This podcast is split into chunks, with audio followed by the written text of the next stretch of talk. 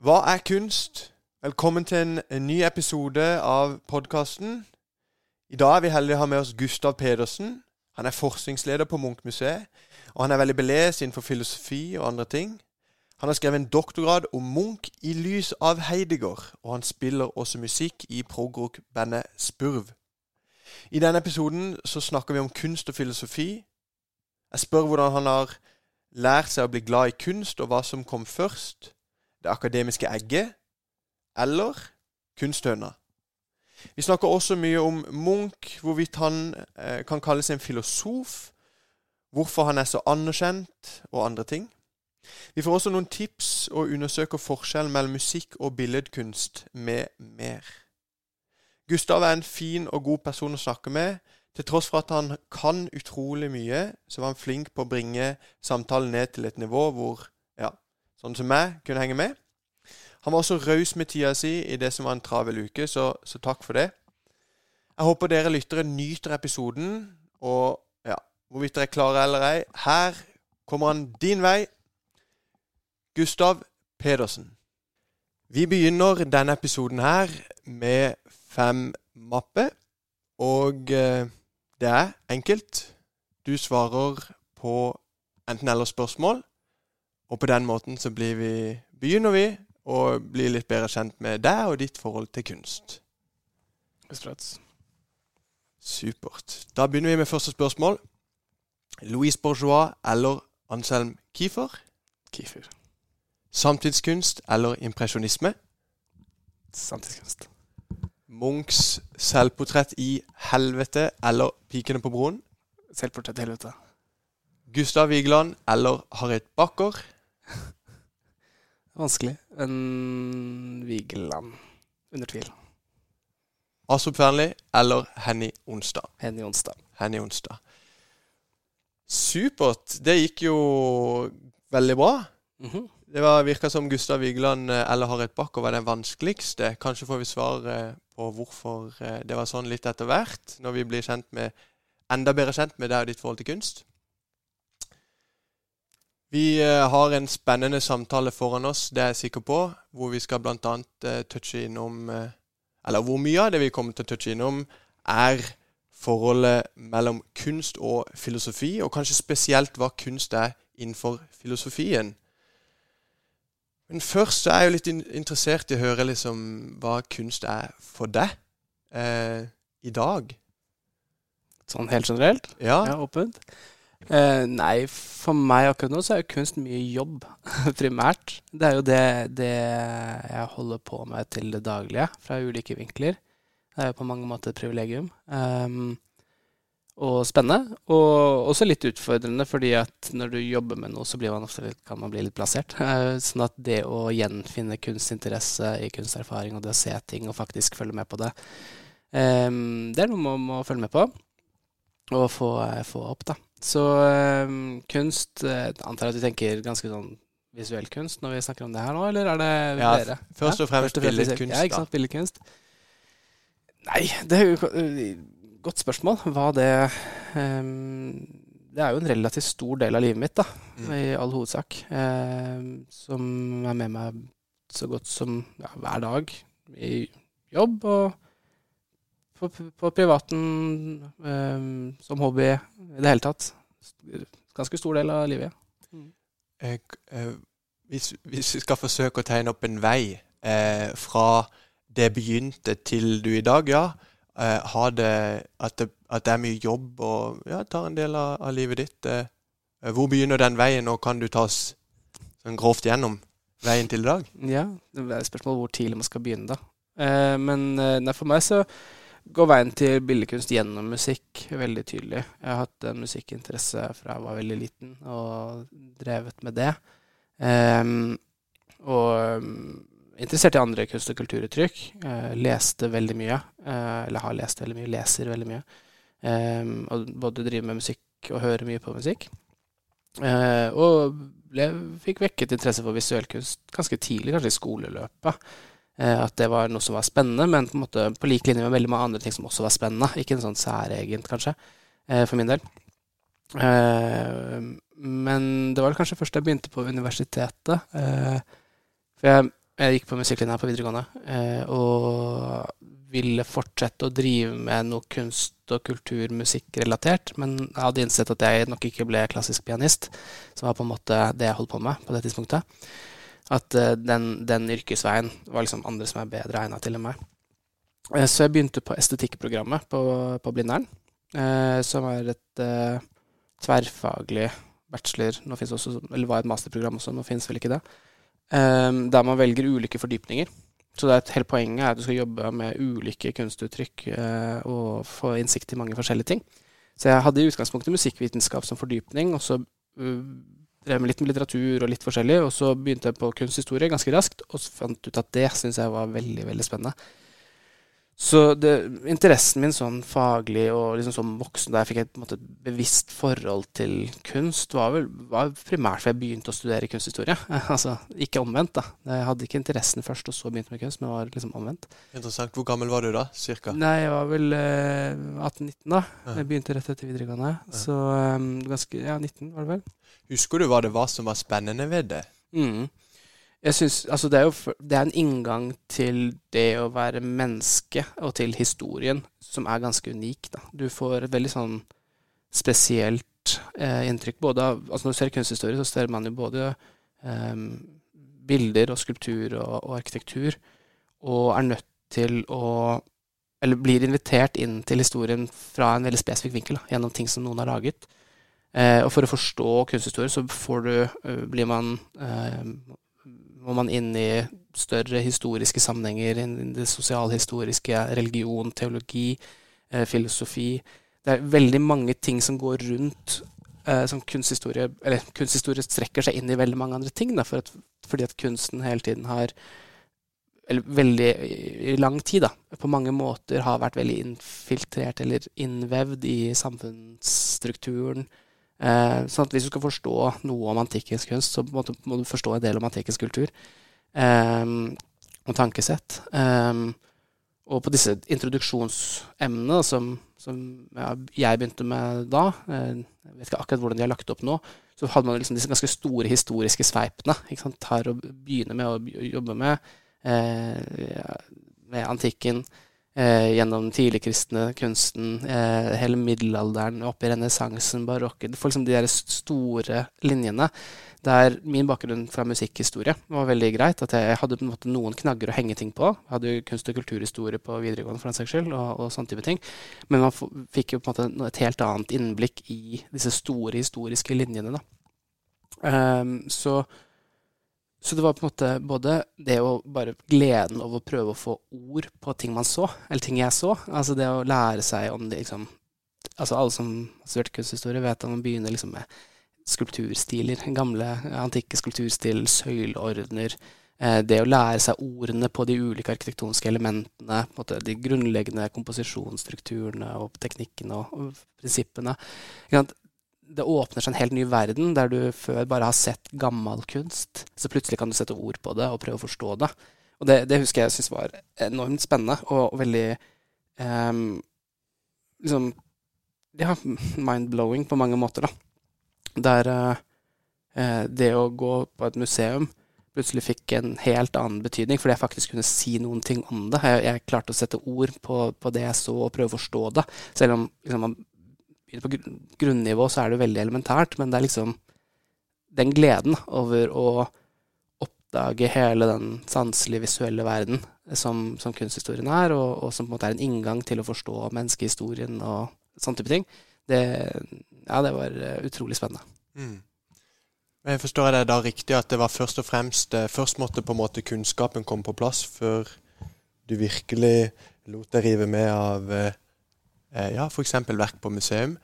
Eller var det også sånn at, de, at det var litt sånn motsatt, at eh, disse verkene Folk forteller ofte, og meg selv til en viss grad Jeg husker eh, et av mitt første møter eh, med, med, kunst var da jeg flytta hit til Oslo. Og det var en sånn samarbeidsutstilling mellom Van Gogh-museet mm. og Munch-museet. Ja. Eh, og at den der ble eh, Ikke av mange verk, men at det var noen verk da som gjorde at man eh, ble litt uh, satt ut, og uh, som kanskje fjula litt denne interessen og etter hvert en sånn kunnskapssøken. da. Mm. Var det sånn for din del òg, eller er det sånn at du først lærte navnene på disse tingene, for så å ha glede av det? Godt spørsmål. Altså, det jeg merker da, etter hvert som jeg blir eldre og får en perspektiv på mitt eget liv, er jo også at eh, på noen områder så har jeg vært privilegert eh, gjennom både hvor jeg har bodd, altså jeg vokste opp her i Oslo, eh, med tilgang til kunst som mange andre, andre steder i landet ikke har. Uh, ikke vi kunne dra på skoletur til Munchmuseet vi, vi, som barn, uh, eller til Nasjonalmuseet, Nasjonalgalleriet. Um, jeg hadde også foreldre som, hvis vi reiste til utlandet, så dro vi på museum. Så fikk liksom sett litt ting fra jeg var både barn og ungdom. Og det tenker jeg både var bra og positivt og negativt, for det det negative med det på en måte var at det ble for meg ansett som noe sånn veldig normalt. Eh, på en måte Noe veldig selvsagt. Som, litt sånn som når du går i byen, og der eh, du går opp og ned den samme gata mange ganger, så glemmer du å se på byggene, faktisk. Fordi det blir bare en del av bakgrunnen. Eh, jeg skal ikke si at jeg var så familiær med kunst at liksom alt var en del av bakgrunnen, men det var at det var heller ikke så ekstremt viktig for meg. På samme måte som musikk eller litteratur var i barndom og ungdom. og ungdomsår. Eh, så jeg tror at må være så ærlig å si at det var ikke før jeg Altså, min inngang til kunst handler mer om at eh, er nok senere eh, at jeg har fått blitt mer engasjert og opptatt av det enn en først. Det var ikke en sånn aha-opplevelse om at liksom, Si at jeg så Munch på Nasjonalgalleriet og tenkte at å, dette er, nå faller brikkene på plass. Dette er eh, liksom Wow, dette er kunst for meg. Nei, jeg hadde ikke noen sånne opplevelser. Um, og eh, så det er mer, kanskje mer overraskende nok, da, med en intellektuell enn en sanselig eh, interesse for kunst. For det, det, er veldig interessant, eh, og det kommer vi tilbake til. Jeg lurer jo på eh, hva du i dag eh, vil svare på et så stort spørsmål som eh, hva er kunst? Litt i lys av det der, da. Mm. Ja. Um, nei, og det, det, er på en måte der, Dette er et av spørsmålene som har vært liksom min interesse for å drive med kunst. Eh, bli kunsthistoriker og jobbe med filosofiske spørsmål opp mot kunst. Liksom jeg har alltid eh, altså, Som et utgangspunkt da, fra den utdanningen jeg hadde, så jobbet du tverrfaglig med eh, filosofiske problemstillinger knyttet til kunst på tvers av kunstarter fra ganske tidlig av. Det var på en måte litt av poenget med det utdanningsløpet jeg tok. Sånn at jeg, jeg, har ikke den vanlige kunsthistorikerutdanningen, selv om jeg tok veldig mange av samme emne og har mye av den samme utdanning som kunsthistorikerne hadde.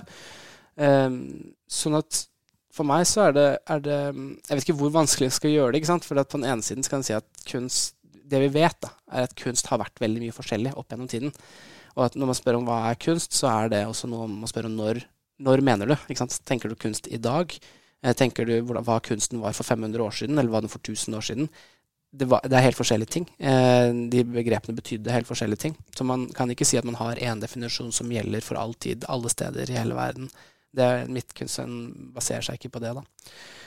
Men hvis man skal liksom peke i en retning likevel, eh, det sagt, så er det jo på en måte kunst er, jeg synes er utrolig fascinerende med kunst, er jo at um, Hvis vi bare bruker sånn generelt kunstbegrep det, som vi bruker i dag, så, så, er det jo det at alle kjente kulturer til enhver tid over hele verden har hatt en eller annen form for praksis der man har jobbet med hvordan ting ser ut, eh, der man lager ting, eh, der man sanser det. Eh, det handler om dans, det handler om skulptur, det handler om bilder. Eh, det handler om alt mulig rart. Eh, og at denne veldig dyptliggende menneskelige aktiviteten eh, får så utrolig mange former, det syns jeg er kjempefascinerende. Så, så, hvis jeg skal svare på liksom, hva er kunst, da, så, så ville jeg sagt at det handler om en, en, grunnleggende måte vi mennesker prøver å forstå oss selv og verden på gjennom noe som er lagd. kunst er alltid noe som er lagd. Uh, uansett hvor, hvor liksom, langt unna en kunstnerhånd der. Det kan være gjennom instruks, det kan være gjennom at noen bare peker på det. Uh, innlemmer det inn, uh, inn i en, uh, et utstillingsrom, og så endrer betydningen, sånn som man måtte, vet om Ready Mades og Duchamp og alt dette her det er fremdeles en, en, noen, noen, som lager noe, da. Uh, og, og, jeg tenker at det har en forståelseshorisont. Uh, det er veldig viktig for min del at det ikke bare er gåsehudet hanselig, mm. uh, men at det handler om at vi, vi, vi prøver å bearbeide, eller kunstnere, og, og bearbeider den liksom, grunnleggende menneskelige erfaringen. og, og eh, omgivelsene. Enten om det er liksom sosiale eller politiske dimensjoner, religiøse dimensjoner, eller det kan handle om natur, det kan handle om, altså det kan handle om så utrolig mye. da. Eh, eller det kan handle bare om det å se, men fremdeles det så handler det om noe, en menneskelig aktivitet. da. Så det, det, er på en måte et forsøk på å, å bare um, dykke ned i grunnbetingelsene for hva det vil si å være det vi er, og bearbeide det. Det er sånn jeg tenker på det. Spennende at uh, dette, dette, med at uh, musikken var utgangspunktet ditt før du så uh, ja, ble etter hvert mer og mer komfortabel og satt mer og mer pris på billedkunsten. Hva er Igjen et stort spørsmål, da. Men hvis du skal forsøke å svare på hva forskjellen og likhet mellom på en måte kunst, nei, musikk som kunstform og eh, billedkunst som eh, kunstform, mm. eh, hva vil du si er likheten og forskjellene der? Fordi den ene, Det er spesielt interessant, syns jeg. Den ene har ekstremt bred appell. Mm. Alle har et forhold til musikk. Alle elsker musikk, på en måte. Mens eh, det som henger på museer, det som henger i gallerier, det som vi går forbi på gata, som mennesker har brukt ekstremt lang tid på, som mange virker å ha store utbytter av, er folk flest tilsynelatende uinteressert i. Mm. Sånn litt, litt, sånn i lys av det, hva vil du si forskjellen og likheten er der?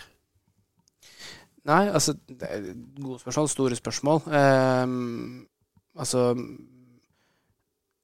Det som på en måte er likt, da, uh, er jo at både musikk og, og, kunst henvender seg på mange måter til, til sansene.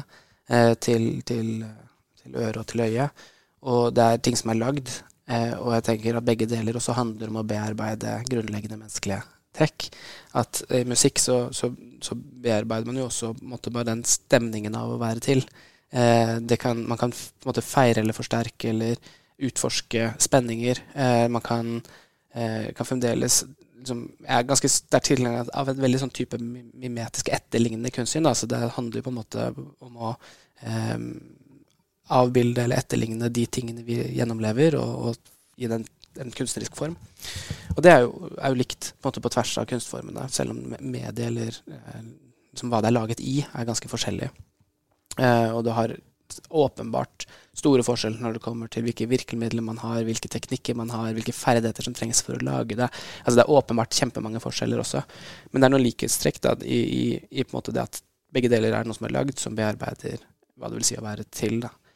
Når det kommer til hvorfor det er så stor forskjell på, på de to kunstformenes utbredelse, så er det jo verdt å huske på at dette har vært altså da kan vi ta et litt historisk perspektiv. da. Og nå tenker jeg høyt. Jeg har ikke noe sånn kjempeklart svar på det, så jeg bare tenker høyt. og tenker at På et tidspunkt så var jo også musikk noe veldig stedbundet. Ikke sant? Det var uh, knyttet opp til Det var noen musikere som fremførte noe. Uh, men du hadde jo også selvfølgelig folkeappellen, uh, den musikken som folk lagde selv. Eh, det funksjonsmessig. Liksom du sang i spesifikke sammenhenger, danset i spesifikke sammenhenger, eller spilte til dans, den typen ting. På samme måte som du har folkekunst, bilder, tegninger. Og den er jo like til stede, eller har vært til stede historisk. Jeg kan si at i, i, i hvert fall i europeisk sammenheng så har jo både billedkunst og musikk vært veldig tett knyttet opp til kirke og, og til institusjoner. Og der skiller jo på en måte musikk og billedkunst seg etter hvert fra hverandre litt på når det kommer til tilgjengeliggjøring. At uh, musikk, etter hvert som du på slutten av Altså etter hvert får reproduseringsmuligheter, da, der musikken blir innspilt, mm.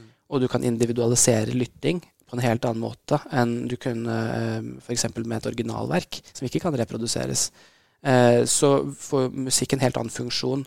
Musikk blir jo på en måte eh, noe som vi kan gå rundt på øra selv hele tiden, til enhver tid. Men du kan ikke gå rundt med en original av Munch eller eh, liksom hvem som helst til enhver tid, hvor som helst. Sånn at det er noen ganske sånn, store forskjeller sånn, rent medieteknologisk da, mellom eh, musikk og musikklytting og det uh, billedkunst og billedkunstbetraktning. Eh, samtidig så har man jo billedkunst som er veldig eh, tilgjengelig, og ikke minst hvis du tenker forbi kunstdimensjonen, men bare på det visuelle at vi har jo aldri vært mer bombardert av visuelle inntrykk i dag enn altså, en noen gang i historien, helt åpenbart. Eh, og samtidig så har vi jo færre og færre begreper og evner. Eller det er kanskje feil å si at vi har færre og færre, men det jeg mener å se, og mener, flere andre mener å observere, er at vi er jo også, har jo et eh, generelt sett ikke et veldig rikt vokabular for å kunne beskrive og snakke og diskutere om det vi ser i omgivelsene våre. Um, musikk har jo eh, Og som jeg var inne på, da. Jeg mener jo at eh, det visuelle eh, Ja, du har en opplevelsesdimensjon med det, men det er veldig sterkt knyttet til en forståelseshorisont, eller en forståelsesdimensjon. Og hvis du ikke klarer å sette ord på det du forstår når det kommer til kunst, mm. på en måte i gåsehudene bare opplever det, så um, tror jeg det er vanskelig at det fester seg, på en måte. På musikk så er det litt annerledes. Du har ikke en så sterk forståelseshorisont, eller forståelsesdimensjon. selv om det også er en bit av at du må jo lære deg å bli kjent med et musikalsk uttrykk eller en sjanger. Eh, det å kjenne sjangerkoder og, og, hvordan ting fungerer innenfor denne, denne, type musikk. Hvordan man pleier å oppføre seg når man hører på musikk felles eh, med andre. Eh, liksom, hva er den måten man danser på, hva er den måten å stå på konsert på, hva er den måten å ikke sant? Um, her tenker jeg bare at det er, det er liksom så utrolig stor forskjell i, i uttrykkene. da, At det er jo heller ikke så rart at liksom hva kan man si, eh, hvor stor plass det inntar i folks liv, er også forskjellig. Um, ja. Men ja, altså sånn, helt grovt sagt, da. Det er jo åpenbart at det er mye lettere å ta på seg hodetelefonen og høre på musikk enn det er å gå på et museum. Fordi eh, et kunstverk eh, legger krav på en eh, større forståelseshorisont. Altså det legger krav på at man forstår det i større grad enn musikk som bare virker. Sånn, blir det riktig å si? Ja, på en, på en måte, men, men, også mm, så er det at jeg tror at den forst... Altså, jeg, jeg, tror nok at uh, man må også bli kjent med et musikalsk uttrykk, og, og på en måte ikke også forstå det. Uh, men du kan jo eksponere så utrolig mye mer for det. Eh, gjennom at du kan, altså du kan i prinsippet øve deg opp ganske mye mer enn du kan med det å øve deg opp å gå på museum. Hvis folk hadde gått like mye på museum som de hører på musikk, så ville ikke dette vært en diskusjon. ikke sant? For da ville man ha opparbeide seg eh, ganske stor forståelse for, for, det visuelle. Men når man da har et skolevesen som nedprioriterer praktisk-estetiske fag, vi lærer veldig veldig lite om, om, om, det å forholde oss til det visuelle eh, i, i, skolen. ikke sant? Vi har ikke noen felles grunnmur der. Eh, sånn at, og, og, tenker at når man akkumulerer det over noen generasjoner, så mister man jo både kultur og evne til å kunne sette ord på eh, det man ser, og diskutere det man ser. Så det er jo kanskje ikke så rart heller, da. Eh, her skal det sies at det er veldig store, sterke politiske krefter som vil at man skal bli bedre på formidling av kunst til barn og unge, og det er jo veldig forbilledlig. Eh, og institusjonene som f.eks. Munchmuseet tar jo et veldig stort ansvar inn i dette her. Men jeg tenker jo at skolevesenet også mm, burde utfordres enda mer på, på å prioritere og praktisk-estetiske fag, og den si, visuelle eh, hva heter den, altså leseferdigheter, sånn visuelle leseferdigheter, om du vil, og kjennskap til kunst og kultur, eh, og slik at det er flere som får på en måte bare grunnbegrepene inn tidligere. Så jeg, tenker jeg også det vil hjelpe. da. Vi kommer mer inn på hva som hviler eh, på andre sida av en uh, sånn, eh, hva skal man si, sånne briller som, i, som, er bedre, som kan brukes til å lese bildene. Hva som venter på andre sida etter en sånn ja, eh, dannelse. Men først så må vi jo snakke litt om Jeg hinta det til det innledningsvis. Du er jo doktor i kunsthistorie, og du har jo skrevet en avhandling som ligger i eh, krysningspunktet mellom kunst og filosofi. Mm. Du tar for deg filosofen Heidegger og eh, Edvard Munch.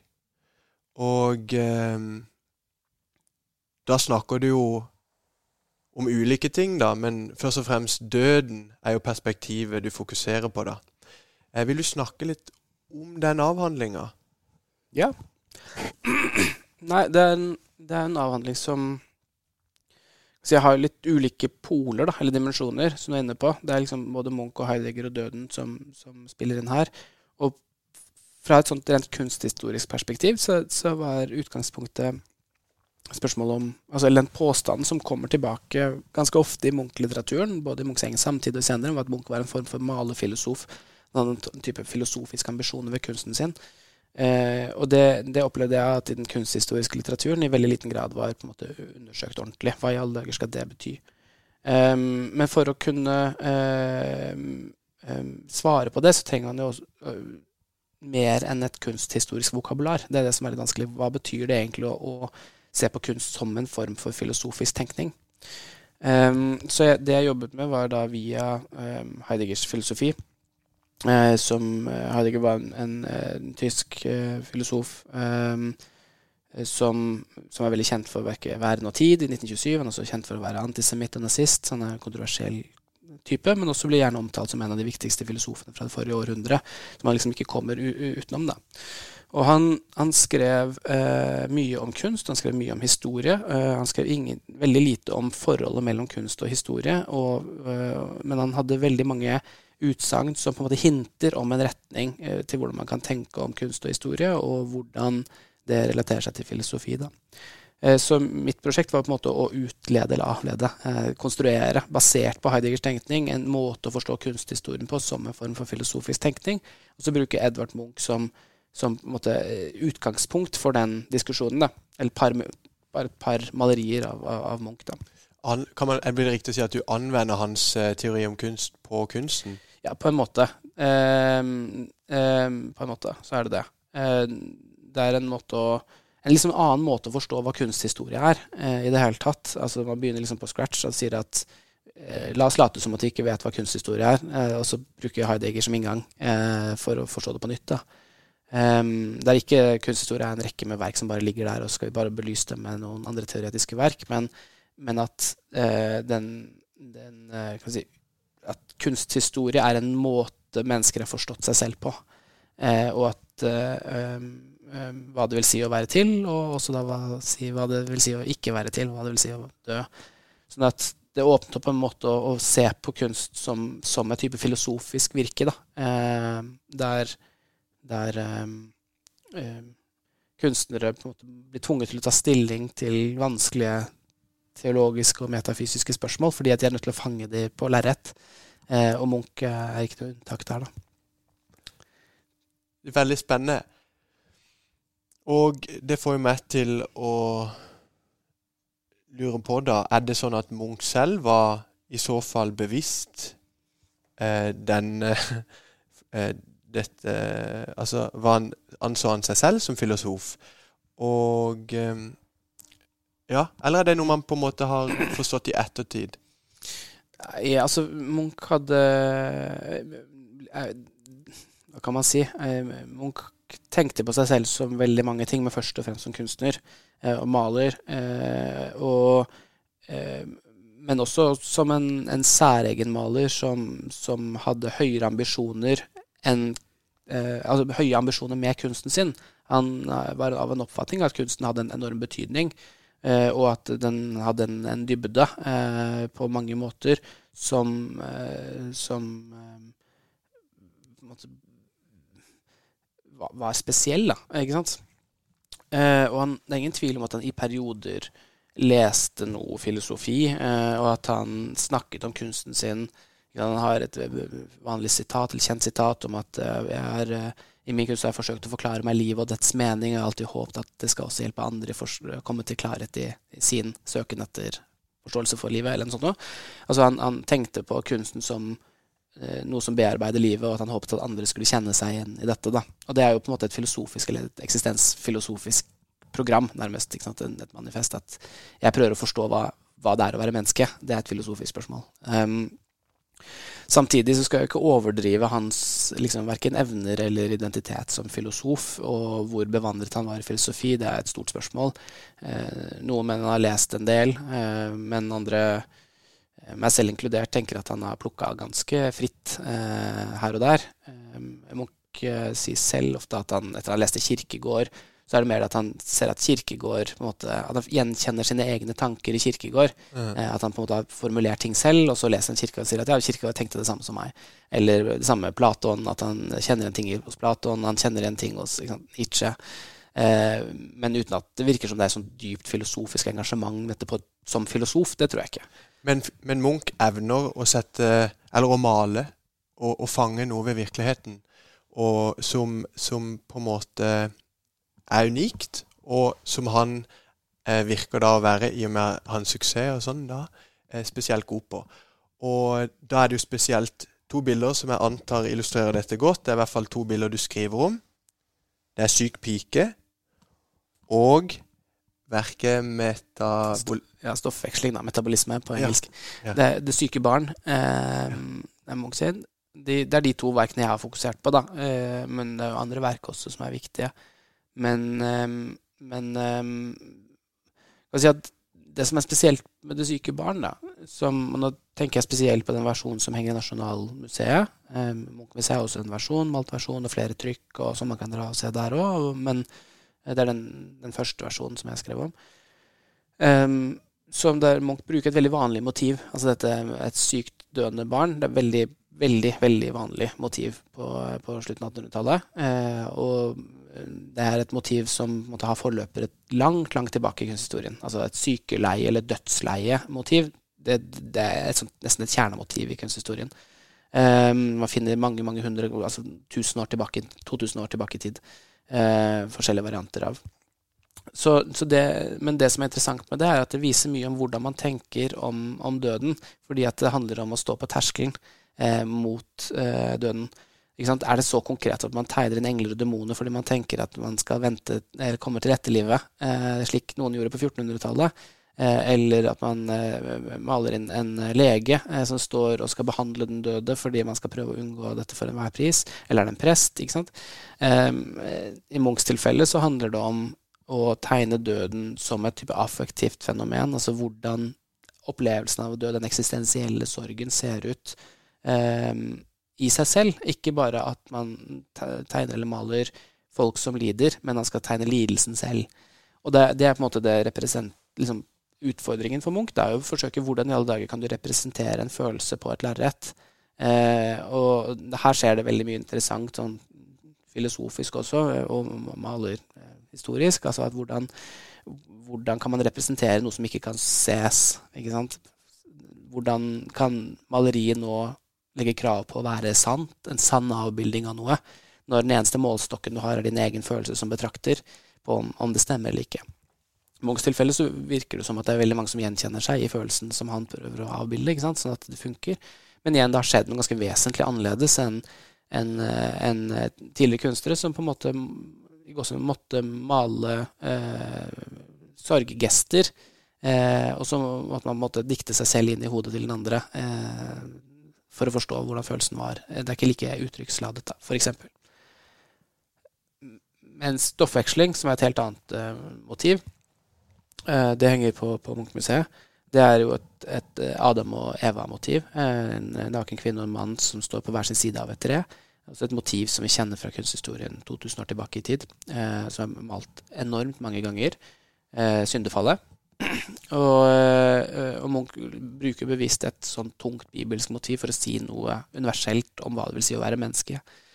Men det som er spesielt med Munch-bildet, er jo da også at eh, det, livets tre har jo røtter ned i jorda, og det, eh, det suger næring da av levninger etter mennesker og dyr som ligger under der. Eh, mens det blomstrer opp i en by. Eh, der noen argumenterer for at det er det himmelske Jerusalem, men jeg tenker det mer at det er uh, Oslo. Uh, og at det er livets rike, altså de levende over og de døde under. Og at det er, handler om den evige kretsløpet mellom det å komme, skape et nytt liv, og råtne opp og skape et nytt liv. Så det handler jo da om, om på en måte en, en, en forståelse av evig liv på denne side, da, ikke det hinsidige. Så det er bare noen eksempler da, på, på Munchs og hvordan det berøres liksom, av noen filosofiske dimensjoner om hva det vil si å være menneske, og hva det vil si å være død, og alt dette her. Mm. Det er veldig spennende. Så da blir jo da det filosofiske her Det blir jo da å fange noe eh, som Enten det gjelder den følelsen av å være vitne til eh, at noen nær en dør, eller død i det hele tatt.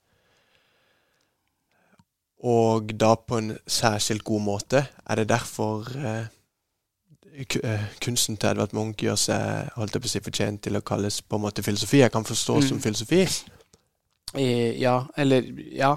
Altså det er Problemet når man snakker om kunst som filosofi, man også snakker om hva En ting er hva man mener med kunst, en annen ting er hva man mener med filosofi. ikke sant?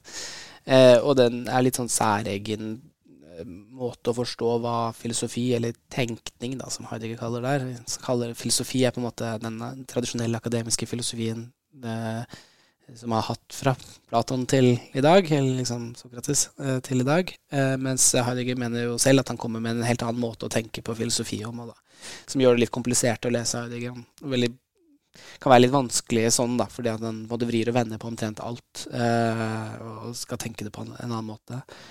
Men eh, for Heidegger så er tenkning en måte skal vi, vi prøve, å si det, å si det enkelt, da, så er tenkning, da, eller filosofi, det å engasjere seg med det at vi er til, og prøve å eh, konfrontere det og overskride det. Det handler om å reformulere eh, liksom de, de, grunnvilkårene for hva det vil si å forstå, eller hva, hva, det vil si å forstå at noe er noe, og alt er. Og eh, poenget til Heidegger, da, eller det som jeg bruker Heidegger til å si, er at ikke bare vanlig filosofi, eh, jeg kan si i tekst eller i ord, evner å konfrontere eh, liksom disse her grunnvilkårene for det å være menneske, men også billedkunsten gjør det. Eh, billedkunst er også med på, eller kunst generelt, er med på å bearbeide de menneskelige grunnvilkårene, eh, og kan være med på å formulere noe nytt. Det er en, en, dette er en sånn gammel kunsthistorisk eh, Ikke debatt, egentlig, men en måte eh, holdning som også er ganske sånn kjent. Sånn det man sier, at kunsten reflekterer samtiden. Det er en vanlig måte å tenke på kunst. da. Eh, men mitt poeng for å sette det på spissen er jo at kunsten også skaper samtiden. Eh, den er med på å skape eh, den tidsånden, eh, den måten å forstå hvordan verden henger sammen på. Så du kan ikke bare redusere kunsten til å være et speil for samtiden. Den er også en bidragsyter til å kunne endre på den liksom helt grunnleggende oppfatningen av hvordan ting henger sammen. Tenk på hva, hva er det å dø? At kan, kan billedkunsten være med på å formulere et nytt svar på det spørsmålet? Eller må det bare reflektere det filosofer eller andre har tenkt?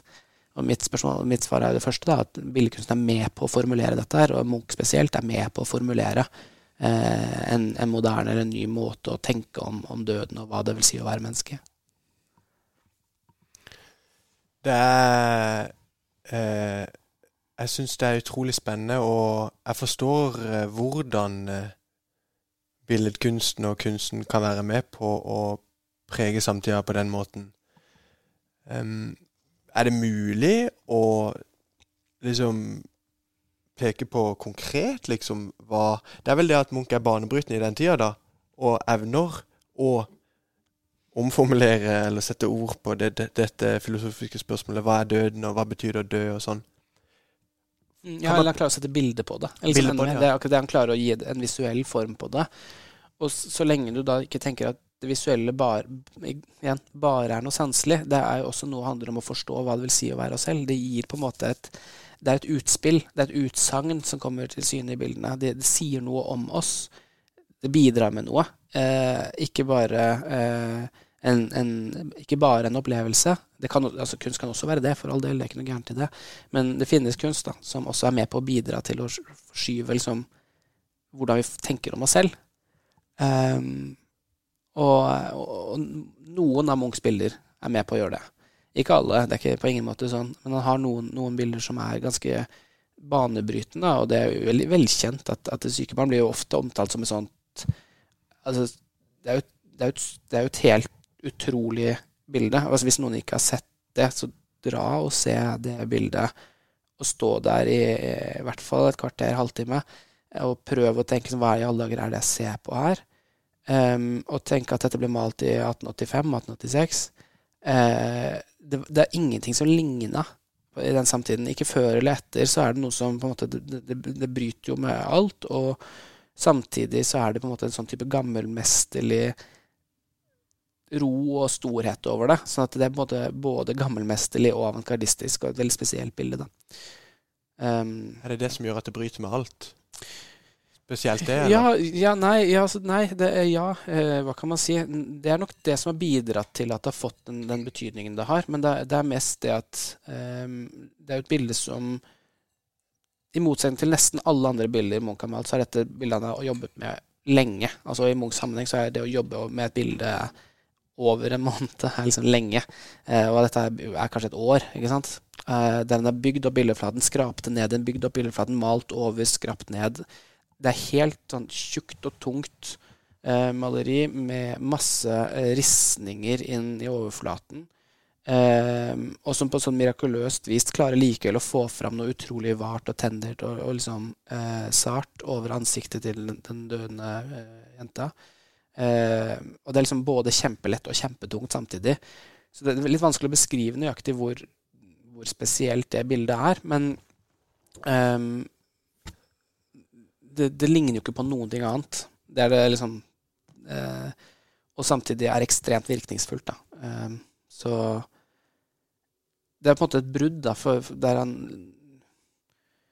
det, om, det handler om å på en måte gjengi virkeligheten på mest mulig vis. Men virkeligheten er mer enn bare det du ser, det er også det du føler. Og hvordan i alle dager skal du gjengi det du føler? Det er det på en måte Munch baler med i det bildet. da. Og på mange måter får til på en måte som ingen andre kunstnere egentlig har gjort eh, før. Og som Munch forsøkte på mange måter å følge opp siden, men da på en helt annen måte i senere bilder. da. Så, ja. um, dette Altså sånn det, høres, det, er kanskje et veldig dumt spørsmål, men det er et spørsmål jeg stiller meg. Eh, hvordan vet man på en måte at dette ikke er gjort før? Eh, og så lurer jeg også på om det er gjort siden med suksess. Så det blir på en måte to spørsmål da. Fordi eh, er du åpen for at du kan gå la, meg, la, oss si at du drar til Paris i morgen, eller til New York eller eh, Beijing og går på et museum og så overfor et verk og, og oppdager at her er det jo en kunstner som har forsøkt på det samme. Her er det jo en kunstner som har satt ord på følelsen, eller nei, satt bilde på følelsen. Mm. Eller er det mer en sånn kunsthistorisk fact, på en måte?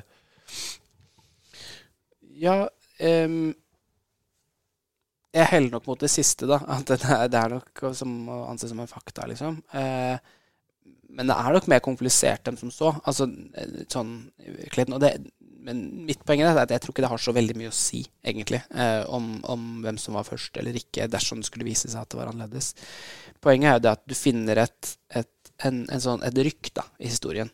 Og historien vår er preget av mange sånne typer rykk. ikke sant? Altså, veldig kjent sånn kunsthistorisk eksempel, to stykker, da, er jo at eh, hvis man har sett noe antikk kunst, så er på en måte et sånn klassisk narrativ vil være at du jobber med ganske sånn forenklede geometriske former, eh, geometrisk kunst, og så blir det mer og mer teknisk kompetent. Og så når Romerike er på sin høyde under Augustus og sånn, så får du ekstremt eh, forseggjorte, fantastiske skulpturer med masse detaljrikdom eh, og, og, liksom eh, veldig ekspressive eh, skulpturer, da. Og så eh, går det noen eh, århundrer, og det, kristendommen får sitt inntog eh, i Romerriket, og du, hele kunsten forandrer karakter dramatisk.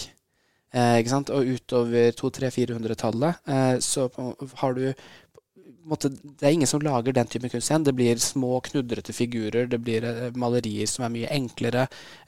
du, måte, du får den tidligkristne kunsten er vesensforskjellig fra den sene helenistiske kunsten eh, antikke kunsten. Og den typen brudd, hvorfor skjer denne typen brudd? Det handler ikke bare om at de tekniske ferdighetene kollapset fordi at Romerriket ble en mindre, mindre, stabil politisk struktur, men fordi det var noe vesentlig som skjedde i forandringen fra et senantikk til et tidlig kristent verdensbilde, der mennesket fikk en helt annen plass. Og det å representere verden handlet ikke om å feire menneskets storhet, men om å feire, feire Gud sin hellighet. Og at mennesket var en feilbarlig kopi av Guds intellekt, ikke sant? eller stammet ut fra det skapte. Og at eh, den på en måte eh, det, det, er et brudd som skjer uavhengig av liksom, nøyaktig hvem var det som var først, men det at du skjønner at her er det noe vesentlig som skjer i verden, som, som også kunsten er med på å formulere. Et annet eksempel er eh, den tidlige renessansekunsten og fremveksten av det sentralperspektivet, der du måtte gå fra en høyere den middelalderske måten å fremstille figurer på. Det er liksom, du ser at jomfru Marie er alltid størst, eh, fordi at det er større, mens det er noen helgener, og de er bitte små. Eh, og så handler det om at størrelsen de sier, hadde med hierarki å gjøre. At det, det, det, viktigste i bildet var størst. Eh, det handlet ikke om å avbilde noe Og det handler ikke bare fordi at man ikke eh, kunne avbilde ting sånn som man så dem, nødvendigvis. Det handlet også om at man hadde et helt annet ambisjonsnivå, en helt annen tanke om hva kunst skulle være. Og når da man liksom, den italienske renessansen eh, konstruerer, måte, oppdager, gjenoppdager på en måte, fordi man hadde perspektivteknikker i antikken òg, eh, men den systematiserer eh, sentralperspektivet som en måte å eh, representere verden. Du, får, du vet, Hvis du setter et eh, Eh, et punkt midt i bildearket, og så trekker du linjer inn mot det, så får du en, en dybdeillusjon. Mm. Um, det, det sentrale sentralperspektiv. Det blir et brudd når, når, det blir normen. Så sier det noe om hvilken plass mennesket har i verden. At det er ikke lenger Gud som er eh, rettesnoren for alt, men mennesket som blir rettesnoren for representasjonen av verden. Mm. Eh, sånn at Det sier noe om, om hierarkiet og verdenssyn, og det, det, det, skiftet skjer også gjennom billedkunst. Det er ikke bare noe som reflekteres i billedkunsten, men det, billedkunsten er med på å formulere at mennesket har en helt annen plass på verden enn man hadde på 1200-tallet. Eh, liksom. Sånn at, eh, og igjen, hvem, hvem er det som er først med å gjøre det, i et renessanseperspektiv, så vet man jo ganske mye om akkurat hvem som var involvert og utviklet det på den og den måten. Men om det var noen andre, så har ikke det noe å si heller. Det handler om den, denne ganske store omveltningen da, som billedkunsten også tar del i, eh, i det å forstå hva, hva, er, hva, er, verden, hva er vi, hva er mennesket. Eh, det er ikke bare en eh, liksom det, det, er ikke, det, er ikke, igjen bare en refleksjon. Det er en måte disse forandringene skjer på, er også gjennom kunsten. Mm. Så hvis jeg svarer på spørsmålet ja, men, vil, eh, Et svar blir jo da liksom sånn Eller sånn eh, Munch sitt eh, bilde, da. Mm. Vil jo da, selv om det ikke skulle være det første, være kanskje blant de beste som eh, på en måte beskriver hvordan vi som mennesker var i en overgangsperiode da. Mm. Og da spesielt følelsene? Ja, det som gjør det litt vanskelig her, er jo på, en måte, det, på mange måter så handler Munch om Munchs kunst er med på å formulere den tiden vi lever i dag. Eh, det er liksom en, en, en, tese her, da. For det er veldig mange som kjenner seg igjen i Munchs kunst i dag. Eh, og i motsetning kanskje til jeg vet ikke, 1100-tallsmaleri, helgemaleri, som ikke så mange kjenner en sånn umiddelbar forbindelse til, for det er en helt annen verden som ble malt. Verden ble forstått annerledes, hierarkiet ble forstått annerledes, menneskets plass i det ble forstått annerledes. Så nå kan vi gå og si, se på det i et museum når man tenker ja, dette var pent, men, men det har ikke noe dypere emosjonell nødvendigvis tilkobling, for man er frakoblet hele religiøse verdensbildet som det var liksom satt til å opprettholde. Munchs kunst er med på å opprettholde en helt annen måte å forstå hva det vil si å være menneske på der vi er individer, der vi er subjekter, der vi er eh, kastet tilbake til oss selv og vår, vår liksom ensomme nærmest eksistens, da, som jeg tror at veldig mange kjenner seg igjen i i dag. Og det, det eh, å si at det er ikke bare eh, hvordan verden ser ut altså en, Renessanseperspektivet klarte på en måte å si at eh, Eller renessansekunsten åpnet opp for en måte å si at verden er slik som den, den, delte offentligheten er, der vi sammen er enige om at verden ser sånn her ut. Eh, den kan observeres, eh, den kan beskrives, den kan måles og veies. Det Munch kommer med, er at ja, men det er ikke nok. Den kan også føles, den kan også oppleves, den kan også sanses på en helt annen måte, en helt annen inderlighet enn man finner i kunst før Munch. Så er det mange andre kunstnere som også jobber med følelser og det indre liv og, eh, og den typen ting i denne perioden, for all del. Men Munch gjør noe veldig radikalt i det at det, den følelsen blir på en måte ristet fra lerretet. Eh, altså det, det, det, er selve følelsen, ikke, eh, ikke, bare det ubevisste, ikke bare eh, liksom eh, Hva kan man si eh, Formale eksperimenter på flaten, som veldig mange andre kunstnere jobbet med. Her var det på en måte om å feste den følelsen på lerretet. Og det, om Munch var først eller ikke, har egentlig ingenting å si. Han gjorde det på en, en veldig eh, spennende måte som illustrerer, eller ikke illustrerer, men klargjør den dimensjonen av det å være menneske da, på en helt annen måte enn andre kunstnere gjør. Jeg har et, uh, et annet Munch-spørsmål som jeg har stilt meg selv mange ganger. Og det uh, hadde Jeg hadde senest en samtale på jobb. Jeg jobber jo som vert på Nasjonalmuseet, hvor mm. meg og en kollega eh, snakka om Munch. Og da var det et eh, På pauserommet så har vi en sånn plakat hengende av dette melankoliverket. Det er vel lagd flere versjoner. Dette var av de mer enklere. Jeg tror det er det som henger i Nasjonalmuseets samling. eh, og som vel skiller seg fra det dere har på Munch-museet. Et av spørsmålene vi stilte oss da, vi som ikke kan så mye om Munch og ikke kan så mye om kunst, det var liksom sånn Hva er det som gjør dette verket så, så bra at det blir trukket frem som blant Munchs viktigste verk? Dette verket eh, som har et motiv hvor en mann En mann som for øvrig er malt eh, veldig enkelt, snur seg bort og har et par i bakgrunnen. Eh, som han eh, sannsynligvis da, det er i hvert fall nærliggende å, lese, er litt eh, trist over er sammen, eller noe sånt. da. Um, jeg skal ikke be deg lese det bildet eller forklare det bildet for meg, men spørsmålet vi egentlig stiller oss, er sånn Hvorfor er, er det sånn at Munch er så stor som det vi vil ha han til å være? Eller er det et sånn, eh, holdt jeg på å si, nesten strategisk eh, Eller et eller annet sånn norsk greie som vi liksom eh, Ja, vil at han skal være så stor. Hva, hva vil du svare på et sånt? Ja, nei, altså Her er det jo flere, flere ting du spør om. Man får jo lyst til å snakke om bildet, da. Det er jo et, et interessant det. bilde, ikke sant. Fordi eh, det ble, da det ble stilt ut Jeg husker ikke akkurat når det ble stilt ut, men det ble jo, ble, fikk en veldig um, Har vært liksom distinkt mottakelse fra ganske tidlig av. Og, og, at det var veldig spesielt pga. disse fiolettaktige himmelen.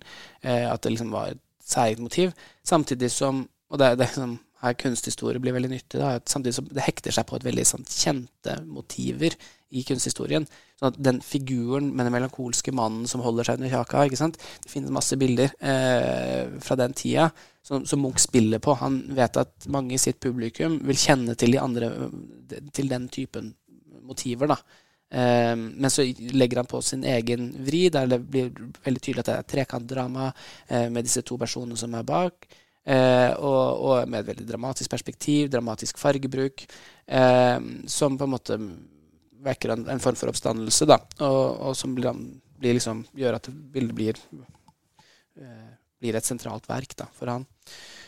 Men, men liksom spørsmålet derfra til hvorfor er Munch eller er Munch så stor, eh, egentlig? Eh, så kommer jo det litt an på hvem du spør, da, eh, og i hvilken sammenheng og hvilken målestokk og hvordan i alle dager måler man storhet i kunst egentlig? ikke sant? Eh, eh, om kunst har, altså Munch har vært en innflytelsesrik maler, eh, så kunne man jo sagt at liksom, er det, er det mange, fikk det store konsekvenser. da, ikke sant? Var det mange andre som begynte å male som Munch? Og det var jo ikke så veldig veldig mange, egentlig.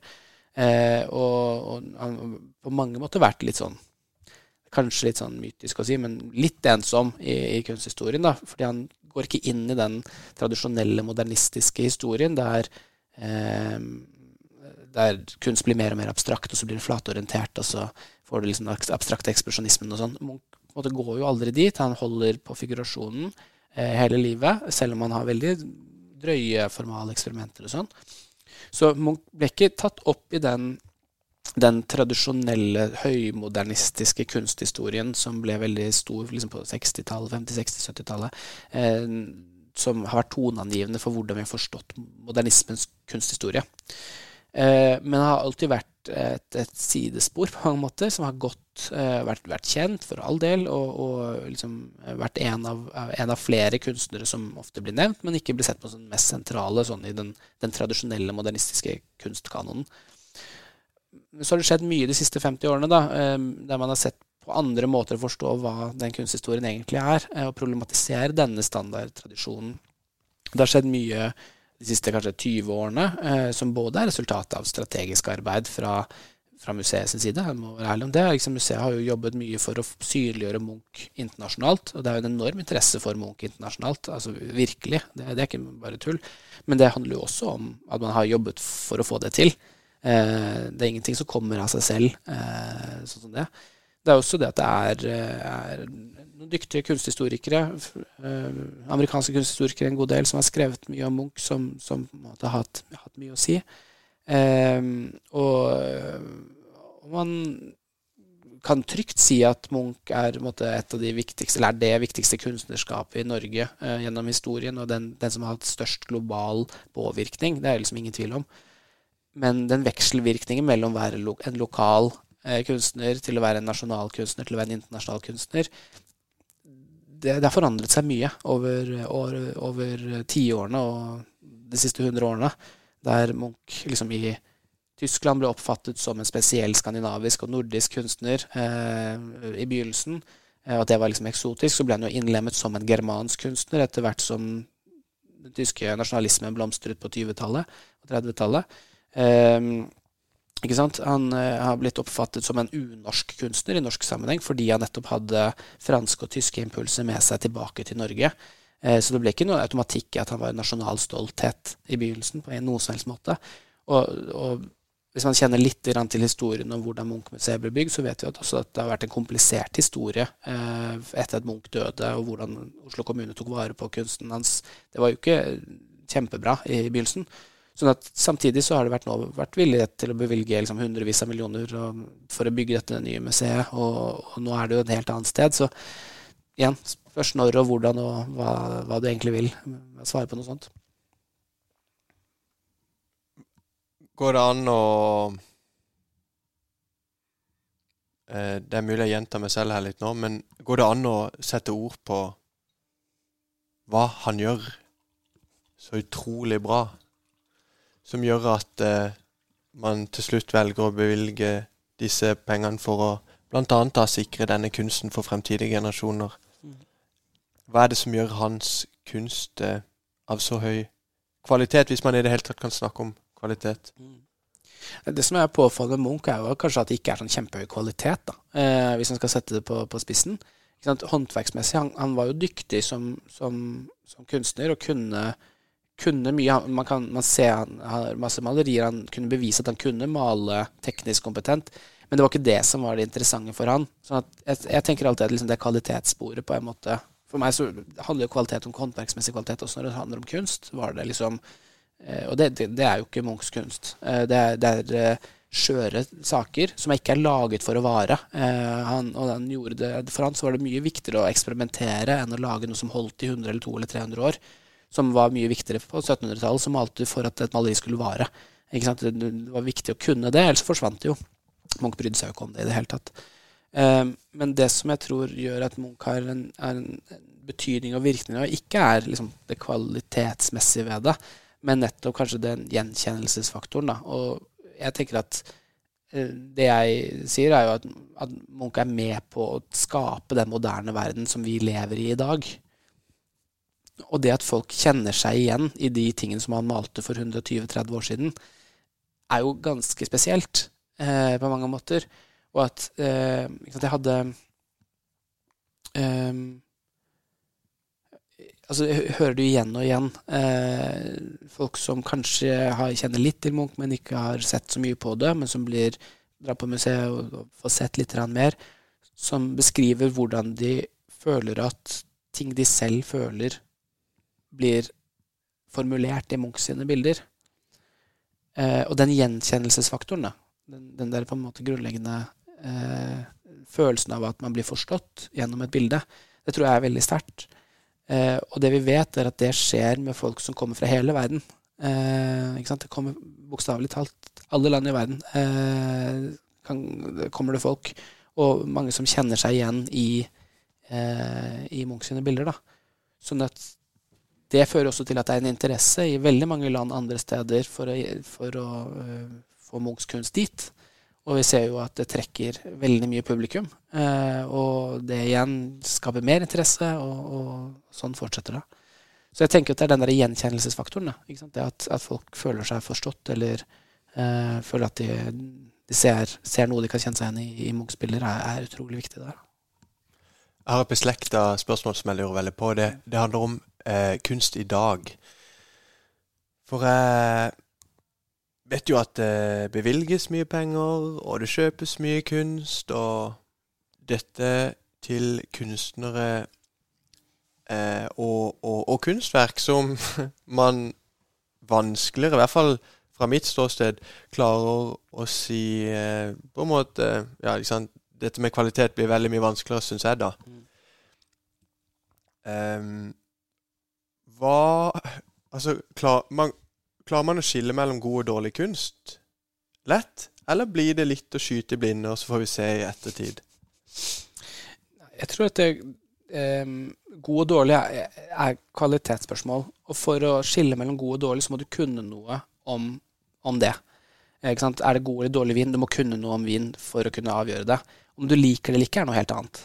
Du kan like eller ikke like ting, uavhengig av om kvaliteten er god eller dårlig. Du syns en kjempedårlig vin kvalitetsmessig er dritdigg. Det er helt greit. Men, og jeg tenker det er litt det samme med kunst. Er Det er ingen tvil om at kunstnere spesielt, kunstkritikere, eh, kunsthistorikere, vil se andre ting enn folk som ikke er faglært innenfor dette her eh, og setter pris på andre ting. Og mye kunst som lages i dag, liksom litt sånn klisjé, da, men blir jo laget for den klikken. Liksom er jo litt sånn innsiderorientert. Eh, eller kanskje bare fordi at man blir lært opp til det, eller fordi man tenker at det er det som er viktig, eller det er der pengene ligger, eller hva vet jeg. Um, så er det mange som ikke gjør det òg, for all del. Det er mange som, som ønsker å henvise til et bredere publikum. Har, uh, men da vises det kanskje på andre institusjoner, andre arenaer. Og så er det masse imellom. Så tenk også bare det at i sånne sammenhenger så er det liksom viktig å huske at Litt det jeg sa kanskje innledningsvis om, at, at når liksom det, de visuelle leseferdighetene er så lave, da, så er det vanskelig å orientere seg i kunsten. Og det å skulle gå inn på, på et hvilket som helst museum og bare forvente at man liker det, det man ser, eller galleri, et kunstnerdrevet galleri, eller liksom en samtidskunstutstilling et eller annet sted, liksom en kunsthall, er jo litt som å gå i en bokhandel bare plukke en tilfeldig bok ut og forvente at du liker den, eller at du bare slår opp på en random sang på Spotify og forventer Altså, det, det blir jo så tilfeldig, ikke sant? Eh, så når man ikke har noen forutsetninger for å sette seg inn i noe, eller det blir jo hit and miss hver gang, at du aner ikke om, om, det blir, om, det er, om du har noen forutsetninger eller ikke. Så jeg hører at det blir veldig lange svar på spørsmålene dine, men det er også fordi at du stiller jo veldig sånn vanskelige spørsmål som må tenke litt rundt da, og, og gi meg mange assosiasjoner. Men om, om spørsmålet er liksom, er det lett å skille mellom god og dårlig kunst eh, Jeg kan si at For min del så er det lettere for meg å skille mellom god og dårlig musikk enn dårlig, god, dårlig kunst. Men det handler om at jeg har utøverperspektivet med meg. Eh, så det, det, er veldig Jeg kan høre god musikk som jeg ikke liker. Altså kvalitetsmessig bra håndverk som jeg ikke syns noe om. Eh, eller vice versa. Eh, og det samme finnes jo på en måte på kunstfeltet òg. Um, men nå er det veldig mye kunst som ikke dreier seg om kvalitet. Det handler om helt andre ting. Uh, så da, da, på en måte faller jo litt det bort, og da er det andre faktorer du må liksom ta inn i medbetraktning. Fungerer det godt? Oppnår det det det egentlig er ute etter å gjøre? Hva nå enn det er. ikke sant? Og da, det blir ofte vanskelig, sånn sett. Men bare for å, nå, nå høres det ut som at alt er kjempevanskelig, og sånn, det, men når, jeg kan ta tilbake til liksom, f.eks. litteratur. da, det er jo kjempefint om alle leser Dostojevskij eller Hamsun, men når det kommer til stykket, så er det viktigste at folk leser. ikke sant? Fordi at Hvis du ikke leser noe, altså les krim, les hva som helst, og så vil det være forutsetningen for at man går videre. Det samme er litt med kunst. at liksom, Kunst er jo noe man lærer seg, men du kan få noe utbytte av det uansett hva det er. Og, og jeg tenker at man skal ikke være så redd for å prøve det ut. ikke sant? Eh, men du kan heller ikke bare ikke forvente at alt er like bra. fordi at innimellom så må man jo bare Eller at du liker alt like godt. Eh, noen ganger så må man eksponere seg for en del ting for å skjønne hva er det man liker og ikke liker. Sånn som med eh, litteratur, eller med musikk, eller med vin, eller med mat. Altså hva som helst. Så må du på en måte prøve ut litt før du skjønner hva det er snakk om. Og kunst er også sånn, da. Tenker jeg. Tenker det er en veldig fin måte å avslutte denne samtalen på. Tusen takk, eh, Gustav Jørgen Pedersen, for at du tok turen innom denne podkasten. Tusen hjertelig takk for at du inviterte meg. Veldig hyggelig å snakkes. Yes, yes, yes. Det var utrolig kult å få prate med, med Gustav. Um, han uh, hadde jo et annet syn på kunst enn det jeg har hørt før. Han sa det veldig fint. Det handler om å bearbeide den menneskelige erfaringa. Og Det syns jeg er veldig ja, godt formulert. Det var også veldig spennende når han snakka om forskjellen mellom musikk og billedkunst, og spesielt at forskjellen i popularitet kanskje skyldes eksponering og trening. Han etterlyste jo veldig tydelig mer visuell leseferdighet i skolen. Og jeg spør meg selv, jeg syns det er fint å tenke sånn Hva hvis vi brukte like mye tid på å se på bilder som vi, kunne, som vi bruker på å høre på musikk? Hva hvis det var like tilgjengelig? Og hva hvis vi hørte like mye på det? Jeg syns også det er veldig kult hvordan han klarer å gjøre Munch eh, ja, relevant, til tross for at han ikke nødvendigvis har liksom, den håndverksmessige kvaliteten til stede. Han snakker om gjenkjennelsesfaktor og den varige aktualiteten som det som virkelig skiller Munch fra andre kunstnere. Takk igjen til Gustav Pedersen, og takk også til deg som lytter. Følg oss på Facebook. Hva er kunst? finner du oss under Eller det navnet Du finner oss ved å søke opp Hva er kunst på Facebook. Og med det, pip-pa-po, vi høres. Ha det!